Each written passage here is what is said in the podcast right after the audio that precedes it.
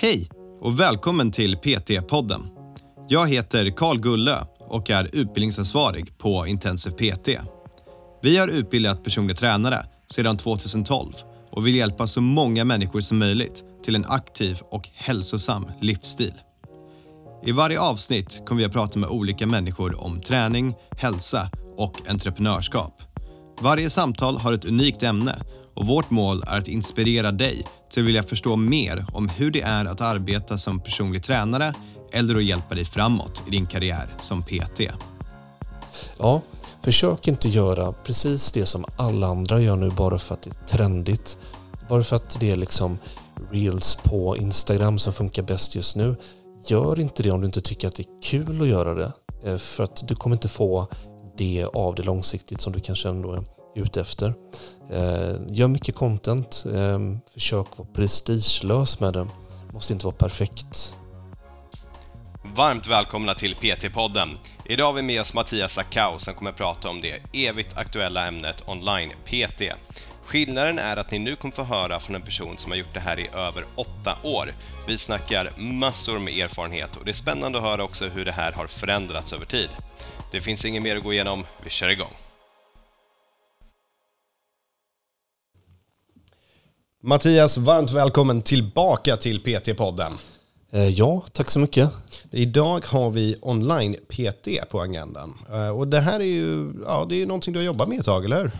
Eh, ja, jag minns inte så exakt kanske, men jag tänker att jag har nog jobbat med det åtminstone åtta år. Wow. Jag på mitt nionde.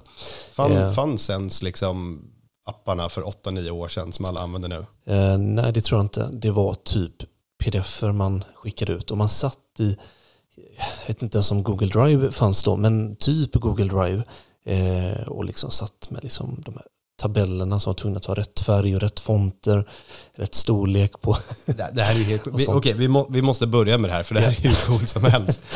Hur förklarade du ens vad produkten var för folk på den tiden? Folk visste ju knappt vad en PT var för 8-9 år sedan. Um, nej, och det var lite speciellt för jag fick ju höra när jag läste till tränare att det här är ett högstatusyrke. Jag förstod aldrig vad man menade med riktigt. Så här, kommer man tjäna mycket pengar? Är det coolt typ att vara tränare? Var, så här, får man ligga mycket kanske? Um, nej, men så uh, jag började ju blogga framförallt. Det var så jag liksom fick ut mitt namn på något sätt. Så jag skrev om kost och träning, tankar och funderingar eh, på ganska sådär vanliga ämnen som man vet att folk har frågor kring. Och eh, i detta då så försökte jag ju lyfta fram det här på olika sätt. Kanske inte så jättegenomtänkt men jag skapade content och försökte skapa så mycket som möjligt och mm, ja, till slut då så fastnade någonting. Alltså det, det, jag, försöker, jag satt samtidigt som jag pratade försöker jag tänka 8-9 år sedan. Vad, vart var jag liksom? Jag, var, jag hade precis gjort klart min första PT-utbildning skulle jag tro. Om inte det var lite innan. Jag var väl typ 18-19, bodde i... Jag har så svårt bara att tänka mig hur jag ens skulle förklara för någon att jag höll på med online-träning vid den tidpunkten. Liksom. Så, så du hade en blogg som du började skriva där du samlade mycket kunskap och sen bara skrev du där förresten om du vill ha hjälp med träningsupplägg, skriv till mig. Och så drog du iväg en pdf till dem. Ja men typ. Och um, Eh, kontakterna kunde komma in liksom från Facebook, sociala medier, något mail bara där någon eh, frågade eh, om eh, man kunde hjälpa dem och, och sådär. Eh, men från allra första början så var det ju mest kompisar i den eh, personer i ens omedelbara närhet som hade frågor och funderingar, kanske någon på gymmet till och med som kom fram och sådär. Men det där med online coachning tyckte jag verkade spännande ju. Ehm, och ja, jag gillar att sitta bakom tangentbordet så att, ja. Och jag antar att nu, nu för tiden så är det mycket så här, man vill ha mail till face to face, check-ins med sina klienter och sånt. Då, jag bara utgår, detta med om jag har fel, eh, men att det var i stort sett träningsprogram som man delade ut. Liksom. Oh ja, och det var ju inte så här högkvalitativt. Då tänker jag så här, för det första så var jag ganska ny på detta så att eh, jag visste ju inte så riktigt vad som var bra och dåligt, hur man ska coacha folk överhuvudtaget på distans då, det är någonting annat tänker jag. Hur man får förhålla sig till det i alla fall. Um, utan ja, nej men så att de fick väl skriva då liksom regelbundet eh, om det var coachning som ingick. Eh, och berätta lite så hur det hade gått och hur det kändes och så kanske man ändrade någon övning eller två. Men det ville man ju helst inte göra för att det var ju så himla pilligt och jobbigt, tidskrävande. eh, men ja, så det var väl så, så det funkade då. Okej, då, då har jag två frågor. Nummer ett, kommer du ihåg vad du tog betalt för det här och, eh, på den tiden? Och nummer två, kommer du ihåg din första onlinekund? Jag, nej, jag kommer faktiskt inte ihåg min första onlinekund. Um, Sorry om du sitter och lyssnar på det här. Ja. Det var jag. För att ja, till. jag är hemskt ledsen. Um, nej, tyvärr. Um, jag tror att jag tog um, 1500 per månad. Kan det stämma? Ja, det är så jag minns det i alla fall. Eh, och jag sålde ju även eh, bara program, då, bara kostprogram och träningsprogram. Det var ju det som man kanske helst ville sälja mest utav för det var mest skalbart. Eh, samtidigt så längre coachning innebär ju en prenumeration. Så att det tjänade man ju mer pengar på. Så rent strategiskt.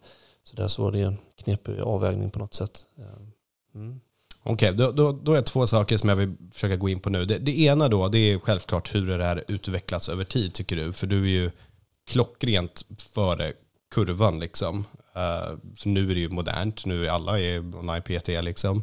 Ja. Um, men på den tiden, det, du kom, och nummer två, hur, hur, kom du ens på tanken av att arbeta så? Liksom? Så många så här styrkecoacher, fitnessmodeller, bodybuilding-profiler och sådär som man såg upp till och följde på den tiden, de hade ju sina hemsidor och um, de sålde ju detta så att det var ju liksom där det någonstans väcktes. Eh, jag minns att jag kikade på Lazar Angelovs eh, hemsida eh, som var så här, hade mycket så flash-effekter och så. och han hade ju jättecool fysik och, och, han ser ju framgångsrik ut så jag tänkte att ja, jag kan väl kika på hur, hur han gör liksom. Ehm, så det var mycket sådär liksom inspireras kanske mer av vad folk gjorde internationellt sett eller i ehm, USA och så.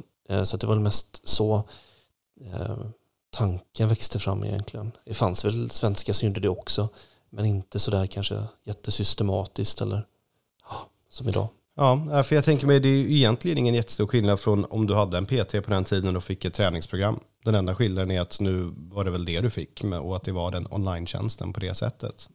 Eller? Ja. ja, precis. Och med tiden så är detta blivit mycket lättare för tränare att arbeta med.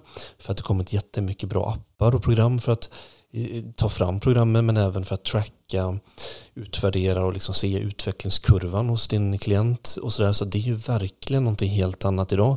Inte bara för att det är fler som gör det utan kvaliteten på online coachning har nog eh, skruvats upp ganska många snäpp, tänker jag. Ja, och om inget annat, om man försöker tänka tillbaka till Skype-samtal som man hade för typ nio år sedan. Liksom. Ja. Um, internetanslutningen gör det ju, ja, okay, det, det låter som att vi pratar om att det var hundra år sedan, men på riktigt så är det ju en skillnad. Tänk bara bilderna när man sitter och scrollar i sitt flöde och ser en bild jag tagit med den här telefonen kontra telefonen för jag hade ett år sedan, två år sedan, tre år sedan, fyra år sedan, fem år sedan. Uh, det var väl där någonstans första iPhonen kom kan jag ens tänka mig. Uh, om inte jag misstar mig helt. För att kunna liksom kamera telefon. Ehm, ja, det kan inte jag svära på, men jag minns att när jag investerade i min första smartphone ehm, så, fick jag ganska mycket gliringar från mina kollegor på matbutiken där jag satt i kassan och arbetade på den tiden. Ehm, och folk tyckte så här, men varför fotar du din mat sådär? Det är ju jättekonstigt liksom. Bryr sig folk om vad du äter liksom?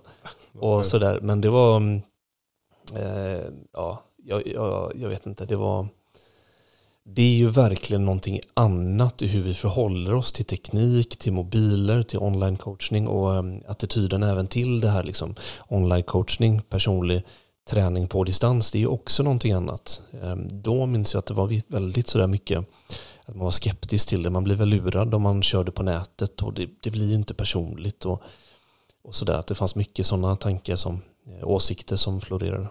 Mm.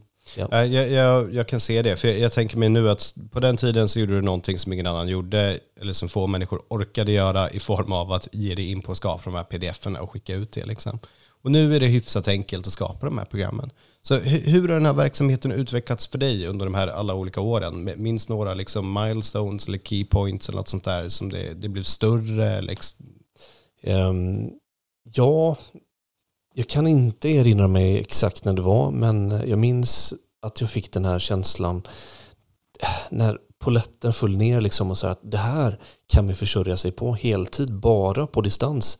Jag kan bara sitta bakom datorn och göra träningsprogram och kostprogram och eh, sådär eh, som, som även eh, jag har en eh, kostrådgivare i mitt företag som heter Lisbeth Perla som har varit involverad i det också nästan sedan starten. Så det är någonting som vi gjorde tillsammans.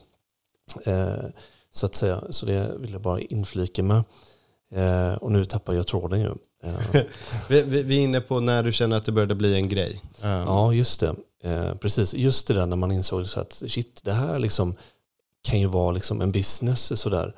Eh, det var väldigt häftigt tyckte jag. Eh, för det innebär ju en viss rörelsefrihet för dig som coach. Du måste inte gå till ett visst gym och eh, boka tider med någon eh, för att eh, möta upp den här personen och sådär.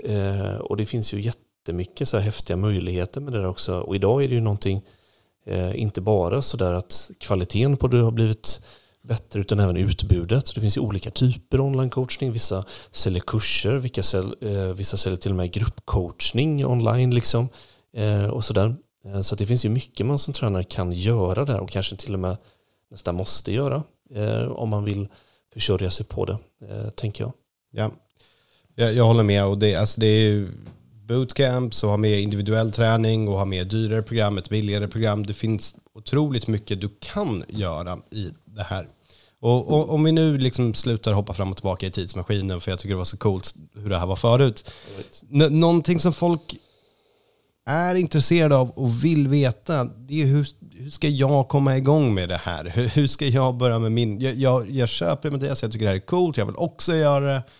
Hur ska jag komma igång med det? Hur, hur ska jag få folk att faktiskt köpa min produkt? Okej, så för det första så måste ju folk veta att du finns. Det är ju liksom det absolut mest grundläggande. Folk måste veta vem du är, hur du arbetar, vad du tror på. Eh, så de sakerna. Och det måste framgå på något sätt, antingen på en blogg eller hemsida som jag började med, som jag fortfarande föredrar egentligen framför sociala medier, eller typ Instagram eller YouTube eller vad du nu använder för någonting. Och liksom att man eh, ja, placerar sig själv där ute i eten och berätta bara liksom med ditt filter, dina glasögon, så här, vad tycker du om de här frågorna? Mm. Och det behöver inte vara så här att man försöker uppfinna hjulet på nytt. Så där att det ska vara väldigt unika övningar eller någonting eller måste inte ens vara väldigt unika resonemang bara så här att du berättar eh, vad du tycker är bra övningar för X typ. Det här ska du tänka på om du får cravings på en diet eller vad det nu kan vara. Alltså vanliga frågor som alla människor har och det där bör man inte lägga så mycket tid på att eh, researchens, tänker jag. För de frågorna får du ju säkert från klienter, från kompisar. Frågor man själv kanske hade också när man började träna. Allt det där liksom kan man ju skapa content med. Man bara svarar på detta liksom, på något sätt. Mm. Jag, jag tänker, för det är ju, träning är ju träning. Självklart kan du komma på lite olika sätt att lägga upp det på, men förmodligen så är det inte din, just hur du arbetar med online-PT-enhet som kommer vara det som är unikt. Men vem du är, det är unikt och vad du har för tankar, vad du har för värderingar. Så om det första steget är att få folk att se dig, då låter det som att du säger att det andra steget det är att, eh, nu låter det hårt, men få folk att tycka om dig. Eller förhoppningsvis lägga upp en bild av dig som är sann och som människor kommer att tycka om. Jo men verkligen. Så det tänker jag är så branding för en tränare. Det måste vara personligt. Liksom. Särskilt om man då väljer att vara egen, som många ju vill vara idag. Eh, alltså att man har egen firma eller så. Ehm, och allt det där som man tycker kanske inte spelar så stor roll eh, så för din klient kanske. Vad du föredrar för typ av musik, eh, vilka förebilder du hade som unge, om du är katt eller hundmänniska. Det där är faktiskt saker som man ändå kan lyfta och som fungerar för att det säger någonting om dig, vem du är. Ja. Så jag har på, mitt, eh, på min hemsida så har jag ett nyhetsbrev Och där så kan jag prata ganska friskt om vad jag såg på Netflix i helgen eller varför jag gillar att äta ostar som luktar konstigt men smakar gott ändå. eller så. Och, och det kan man tycka är sådär, det är egentligen inte en strategi eh, från början utan mer snarare detta är den jag är och om jag bara tänker att jag ska bli en bättre kommunikatör alltså berätta saker, då är det ganska lätt att sådär, ja men berätta om vad du såg på Netflix liksom. Och så fundera på så här, ja men hur kan jag koppla det här till träning typ? Ja. Så här, um, bara top of mind. Uh, och just det där är också det som får människor att tycka om dig sådär, inte så här bara hur mycket du kan om kost och träning utan så här, ja men det där är en skön snubbe som har samma preferenser som mig. Uh, han gillar Star Wars uh, och inte Star Trek liksom. Klockrent. Klart, ja. klart. Ingen gillar Star Trek. Massa Precis. människor gillar Star Trek. Men jag skulle inte lita på en ja, PT som gillar Star Trek. Nej, inte jag Um, det, jag tycker det här är så sjukt bra råd, för det här är faktiskt inte någonting jag fått, uh, jag tror inte jag har fått med det i podden tillräckligt mycket. Att vem du är som person, detta måste återspeglas i allt du gör. För att träningen är självklart relevant och viktig, uh, men personer måste dels köpa in till ditt varumärke, och detta kan du bygga med liksom, om du har dina röda färger eller för oss är det orange och sånt. Men vad du säger, det är av ytterst stor relevans för någon för att kunna bestämma sig om de gillar det eller inte. Ta, ta det här till exempel, till exempel. Har, har du någonsin varit glad med någonting du har köpt av en person som du inte tycker om? Jag kan inte erinra mig det i alla fall. Nej, det tror jag inte. Det, och det, det är som, det, vi är ju här, jag, på, på ett hotell och spela in detta. Och, uh, jag satt och beklagade mig över att servicen var värdelös när jag kom och checkade in. Liksom. Ja. Jag kommer inte rekommendera det här hotellet till människor. Framförallt för att jag fick ett dåligt mötande. Nu, nu är det i form av service, men ändå. Människor köper saker av folk de tycker om. Och du ska inte göra dig till en person som du inte är, för det kommer inte hålla i längden. Det är klart. Men om du inte berättar för folk vem du är, hur ska de då vilja köpa av det? Och det är en jättebra poäng. Så jag tänker så här, jag då som Ehm, är, är, lite skäggig eh, och gillar konstiga ostar. Ehm, en kattmänniska, jag gillar Star Wars. Ehm, och så där gillar styrkelyft också i sån träningsform. Eh, det då blir det väldigt konstigt om jag ska försöka vara den här liksom triathlonsnubben för att jag har kommit på att ah, men det, det verkar sälja bäst. Liksom. Det blir jättekonstigt och jättefel och det märks ofta en del tror jag i att folk känner förtroende för dig och tycker om att prata med dig och vistas eh, i din närhet eller sådär. Det handlar ju också om det där genuina liksom att eh, det här är på riktigt, du är dig själv, du spelar inte någon annan liksom. Yeah. Så. Jag ska erkänna att jag hyfsat ofta när jag, jag, jag är ju verkligen inte en social media-kille. Yeah. Jag, använder inte, eller jag använder det då och då för företagets skull, men jag skulle nästan Orsaken till varför jag inte håller på med online PT så mycket eller överhuvudtaget, det är för att jag orkar inte med Instagram och Facebook. Om inte vi hade det i verksamheten då hade jag inte haft det. Liksom. Ja. Så när jag då sitter och gör det, när det råkar ske, och så har jag någon i flödet som har lagt upp en story där de sitter och filmar sig själv och sitter och pratar om random stuff och gör en live och sitter och snackar om det. Min hjärna går ju direkt till, hur orkar du? Men det är ju för att jag inte pallar. Alltså det här är de personerna som oftast inte ens, de, de har liksom tusen följare, men sitter och pratar om sig själv och kan livnära sig på det här för att de bjuder på sig själva. Så först och främst, min värdering är fel vill jag bara säga. Inte att inte tycka om sociala medier, det är fine om man känner så, men att döma någon annan. Men det är framförallt för att jag inte pallar. Men de personerna som gör det, det är de som är ute där. Och då börjar folk lyssna på dem till slut. Och så får man bestämma sig för att jag tycker om det eller inte och jag vill köpa något av det eller inte. Och ja. så enkelt är det. Oh ja. Och viktigt kanske att ta med i eh, beräkningen här på något sätt om man ska formulera en content marketing strategi om vi ska vara så pretentiösa. Ehm, här då. Ehm, det är också att fundera på lite hur föredrar du att uttrycka dig? Om du är en person som inte gillar att prata så mycket i så här eh, som, som jag gör. Jag tycker det är jättetrevligt och gör det gärna oftare. Ehm, då kanske du inte ska sitta i en podd så mycket. Eh, så. Eh, gillar du att ehm, däremot inte stå framför en kamera för att det känns mer naturligt för dig? Eh, det känns ganska onaturligt för mig så jag gör inte mycket det. Eh, så kanske det är sådär det verktyget du ska använda. Så man får ju tänka så här lite vad kan funka på marknaden för att göra sig relevant men också hur gillar du att arbeta? Vad, Gillar du inte Instagram så blir det ju svårt att, liksom att tvinga sig själv till att göra det under en lång tid och göra det bra, tänker mm. jag. Så det är väl också en sån grej man kan fundera lite på. Vad, vad gillar jag liksom mm. själv? Jag, jag har till exempel, vi har ju en blogg för Intensive PT och där jag, jag eh, skriver i stort sett ingenting om träning där. För jag tycker inte det är jättekul att skriva om träning. Ja. Jag älskar att skriva om företagande. Så ja. jag sitter och skriver jättemycket om företagande. I podden här, då älskar jag att sitta och prata om träning. Vilket jag, jag vet inte vad det handlar om liksom. Men det är, då får man hitta det som man känner funkar bäst för sig själv.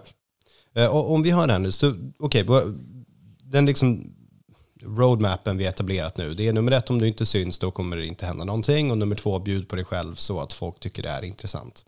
Uh, super, vad mer kan man göra? Hur, hur ska man fortsätta de här stegen?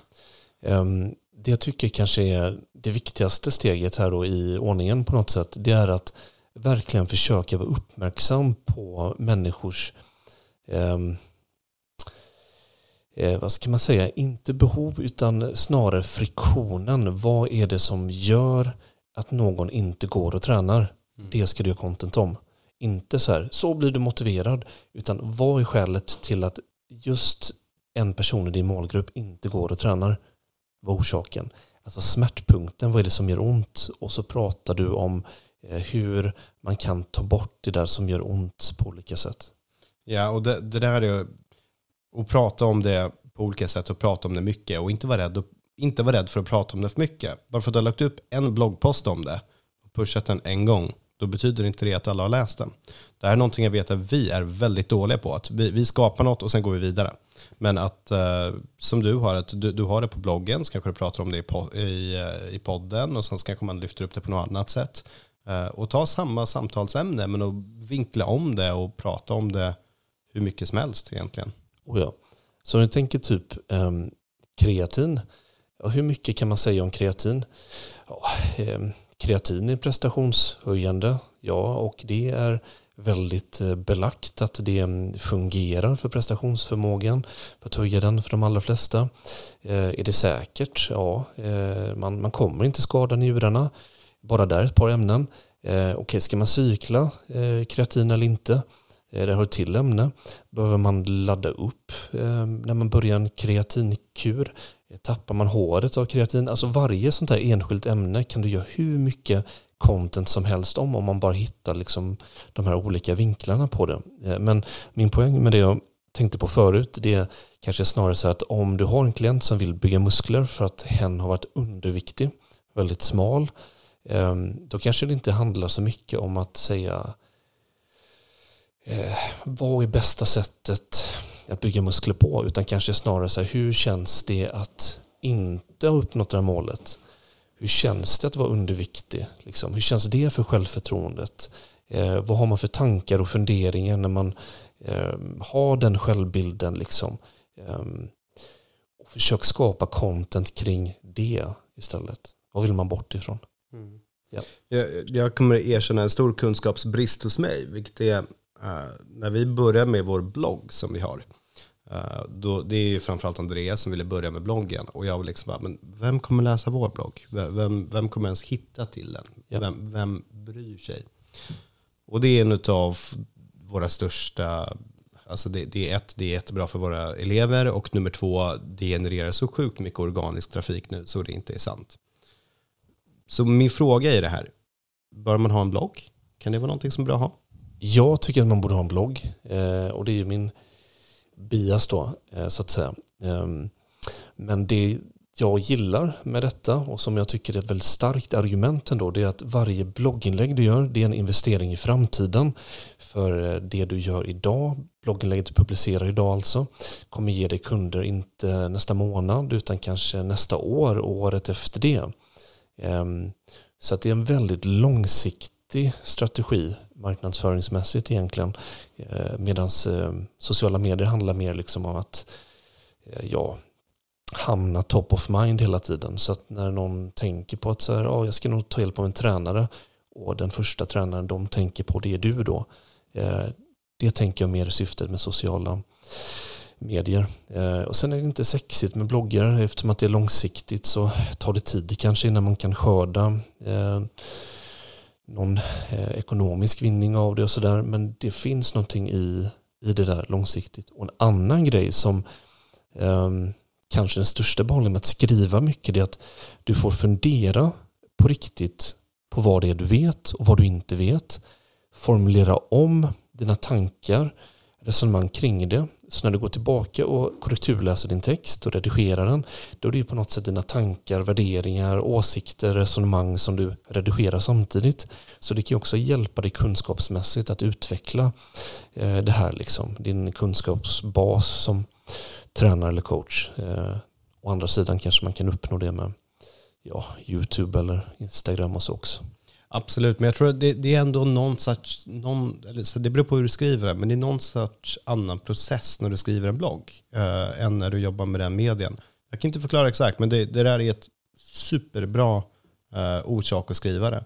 Sen en, en till är att eh, de här bloggposterna du gör, det, de ska du såklart dela med dig av till dina PT-kunder också. Eh, de kan ju lära sig hur mycket som helst när du använder bloggen.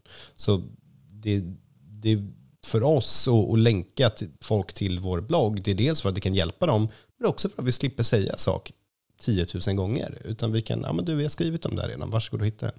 Och sen det du vinner på, det är när någon sen tänker, men du, det här var riktigt bra. Uh, den här artikeln, den, eller det här blogginlägget, det tänker jag skicka till min kompis. Så får de också läsa den. Ja, verkligen, absolut. Um, så det är ju till nytta för um, dina befintliga kunder såklart. Um, jag tror att många nog känner sådär en viss tillfredsställelse i att de får bekräftat för sig att min tränare vet vad han eller hon pratar om. Liksom. Och det får man sådär efter köpet också. Man konsumerar deras innehåll. Det finns ju någonting i det som stärker kanske relationen lite. Men det är också ett sätt för det att få in nya kunder. Eh, definitivt. All right. Vad, har vi någonting mer som vi kan tipsa personliga tränare om som vi kommer igång med det här? Ja, Försök inte göra precis det som alla andra gör nu bara för att det är trendigt. Bara för att det är liksom reels på Instagram som funkar bäst just nu. Gör inte det om du inte tycker att det är kul att göra det. Eh, för att du kommer inte få det av det långsiktigt som du kanske ändå är ute efter. Eh, gör mycket content. Eh, försök vara prestigelös med det. Måste inte vara perfekt. Sträva efter att göra det bra men det viktiga är att det finns. Liksom. Ja, fantastiskt. Och, okay, om folk vill lära sig av mästaren, vart, eh, vart hittar man din blogg? Okej, okay, så jag har två hemsidor. Ehm, det är mattiasachau.com och där kan man ju se hur jag väljer att jobba. Eh, och sen så har jag även kraftsportkliniken.com då som är en enskild hemsida för min PT-studio. Så så kan man göra också. Då. Underbart. In och lär er av mästaren. Mattias, tack återigen för att du är med här. Ja, tack själv.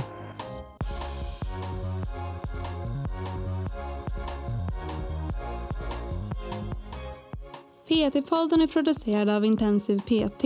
Om du vill veta mer om våra utbildningar och gå med i nätverket av framtidens personliga tränare, gå in på www.intensivpt.se. Vi har kursstarter varje månad och du kan studera helt i ditt egna tempo.